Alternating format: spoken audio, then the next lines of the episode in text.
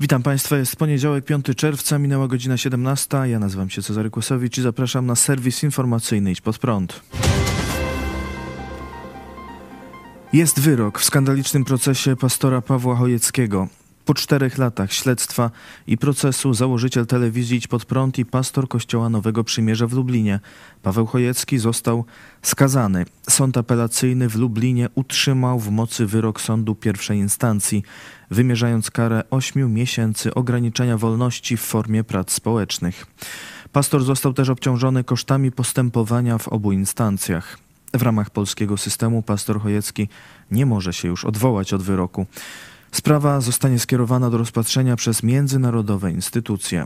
Sędzia, uzasadniając wyrok jako przykład karygodnej wypowiedzi, przytoczył m.in. cytat Zidiociała Polska czy Kościół to prostytutka. To nie chodzi o treści wypowiadane przez oskarżonego, który mógł mieć taki stosunek do określonych, do określonych kwestii religijnych, jaki miał, tylko o sposób, w jaki się wypowiadał. Więc rzecz nie dotyczy tutaj sporu o charakterze teologicznym, tylko po prostu kwestii kultury języka. I niczego więcej. Bo czy jak można ocenić na przykład takie stwierdzenie zawarte, które wypowiadał i, wypowiadał oskarżony. Zidiociała Polska. Polacy są lidowaci. Kościół to prostytutka. Wygląda jak narodowcy katolicy, a w środku zwykłe, śmierdzące za tego kacapskie jajce. Czy to się mieści w słodzie wypowiedzi, te, te treści? Oczywiście, może oskarżony kwestionować uznawane przez y, rzymskich katolików y, sakramenty, ich ilość, ich rodzaj. Może kwestionować kult Maryi. Może kwestionować źródła wiary, nie uznawać nauki apostolskiej na przykład, historii Kościoła. Wszystko to wolno, no może to wypowiadać. Dowolne, w dowolnym źródle własnej telewizji internetowej czy jakiejkolwiek innej. Ale nie w tego typu, nie w tego rodzaju sformułowania. To w tym tkwi właśnie uwłaczenie uczuciom religijnym i nie tylko woli godności innych osób. Tu są też poza samymi katolikami są inne osoby pokrzywdzone w tej sprawie. Utrzymuje zaskarżony wyrok mocy. Ogłoszony wyrok jest prawomocny. Dalszemu zaskarżeniu w trybie zwykłych środków odwoławczych nie podlega.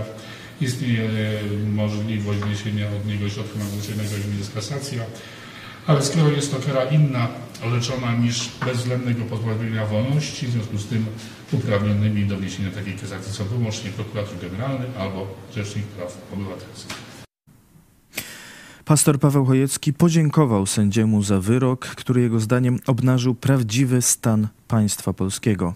Zapowiedział też, że ruch społeczny Idziemy po wolność, który powstał w reakcji na jego proces, wystawi kandydata w wyborach prezydenckich w 2025 roku. Przyjmuję ten wyrok z radością i godnością. Pragnę podziękować panu sędziemu Wojciechowi Zarębie za ten wyrok, bo ja nie muszę go komentować. To jest jasny przekaz dla Polski i świata. Ten wyrok pokazuje granice naszej wolności, albo precyzyjnie mówiąc, granice naszej niewoli. To nie jest przesada. Kiedy mówię o ustroju katokomuny, to jest zbrodnia sądowa. Tak ja to odbieram. Ale, tak jak powiedziałem, to jest tylko pokazanie, że żyjemy w zniewolonym systemie. Wtedy w telewizji powiedzieli, że komunizm upadł no to widzicie, gdzie upadł. I z tego miejsca chciałbym ogłosić, że w wyniku tego, co się stało wokół tego procesu, tego poruszenia ludzi dobrej woli, którzy nie godzą się z zamordyzmem w Polsce, nie godzą się z niewolą, nie godzą się z uprzywilejowaniem biskupów katolickich. Idziemy także w tej sferze politycznej po wolność. Ten ruch, idziemy po wolność, przekształca się dzisiaj już praktycznie w komitet wyborczy. W 2025 roku, chyba że Bóg postanowi inaczej, wystawimy swojego kandydata na prezydenta, żeby skończyć z tym, co widzieliśmy przez te ostatnie cztery lata w procesie moim, ale żeby skończyć z niewolą dla wszystkich Polaków. Tak nam dopomóż Bóg. Przypomnijmy krótko historię tego procesu. Wraz z sukcesem telewizji Idź Pod Prąd w roku 2016 rozpoczęła się nagonka na pastora Chojeckiego, jego rodzinę i kościół. Hejterzy próbowali zastraszyć pastora, grozili śmiercią jemu i jego rodzinie, nękali oszczerstwami w internecie, zakładali grupy do niszczenia telewizji Idź Pod Prąd i kościoła Nowego Przymierza w Lublinie. W tym też czasie miały miejsce fizyczne ataki na budynki kościoła, billboardy czy samochody osób pracujących w telewizji. Prokuratura konsekwentnie nie potrafiła wykryć sprawców i umarzała postępowania. Hejterzy odgrażali się, że zmontują proces przeciwko pastorowi Chojeckiemu. W 2019 roku lubelska prokuratura podlegająca ministrowi Zbigniewowi Ziobrze rozpoczęła postępowanie przeciwko pastorowi na podstawie krótkich wycinków z jego kazań i programów z udziałem pastora. Wycinki opisane zostały przez oskarżycieli tytułami o charakterze antysemickim i obraźliwym. Z ponad tysiąca godzin programów prokuratura wybrała kilka słów, by na ich podstawie sporządzić kuriozalny akt oskarżenia. Pastorowi Chojeckiemu zarzucono obrazę uczuć religijnych katolików, znieważenie katolickich przedmiotów czci religijnej, znieważenie narodu polskiego, znieważenie prezydenta Andrzeja Dudy i pochwalanie wszczęścia wojny napastniczej z Koreą Północną. Rzekoma wina pastora polegała m.in. na tym, że powiedział, iż w oczach Boga, który za nasze zbawienie zapłacił krwią swego jedynego Syna Jezusa Chrystusa, katolickie sakramenty i próby zasłużenia sobie nimi na zbawienie są jak śmierdzący gnój. Wśród wypowiedzi uznanych za przestępstwa znalazło się też nazwanie zjawą objawienia fatimskiego, a także nazwanie prezydenta Andrzeja Dudy tchórzem i zdrajcą. Pod sądem w czasie rozpraw gromadziło się wielu ludzi z hasłami wolność słowa i support pastor Chojecki. Wyrok skomentował dziś obrońca pastora Chojeckiego, mecenas Andrzej Turczyn. Ja w rozstrzygnięciu tym dostrzegam naruszenie szeregu przepisów związanych z międzynarodowymi konwencjami, które, którymi jest związana Polska. I przynajmniej pod tym kątem ten wyrok będzie przeze mnie oceniany. Na, na podstawie tego, co usłyszałem w dniu dzisiejszym z Sądu Apelacyjnego w Lublinie, no to, no to nic nie usłyszałem. Przewodniczący E, przewodniczący w bardzo ograniczonym, w bardzo ograniczonym zakresie odniósł się do treści apelacji. Apelacje były bardzo obszerne, one miały po 40 stron, były bardzo precyzyjnie i szczegółowo opisane zarzuty. Niestety na ogromną większość tych zarzutów to ja odpowiedzi w motywach ustnych nie usłyszałem. Mm, pan sędzia powiedział, że tu nie chodzi o treść, którą się posługiwał, którą wypowiadał Paweł Chojecki, ale o formę wypowiedzi. E, to ja tego tak nie do końca rozumiem, bo, mm, bo, e, bo, bo, bo nie rozumiem, bo uważam, że e, bo uważam, że te przepisy, które mm, zostały, z których został Paweł, Paweł został skazany, one mm, odnoszą się do treści wypowiadanych słów.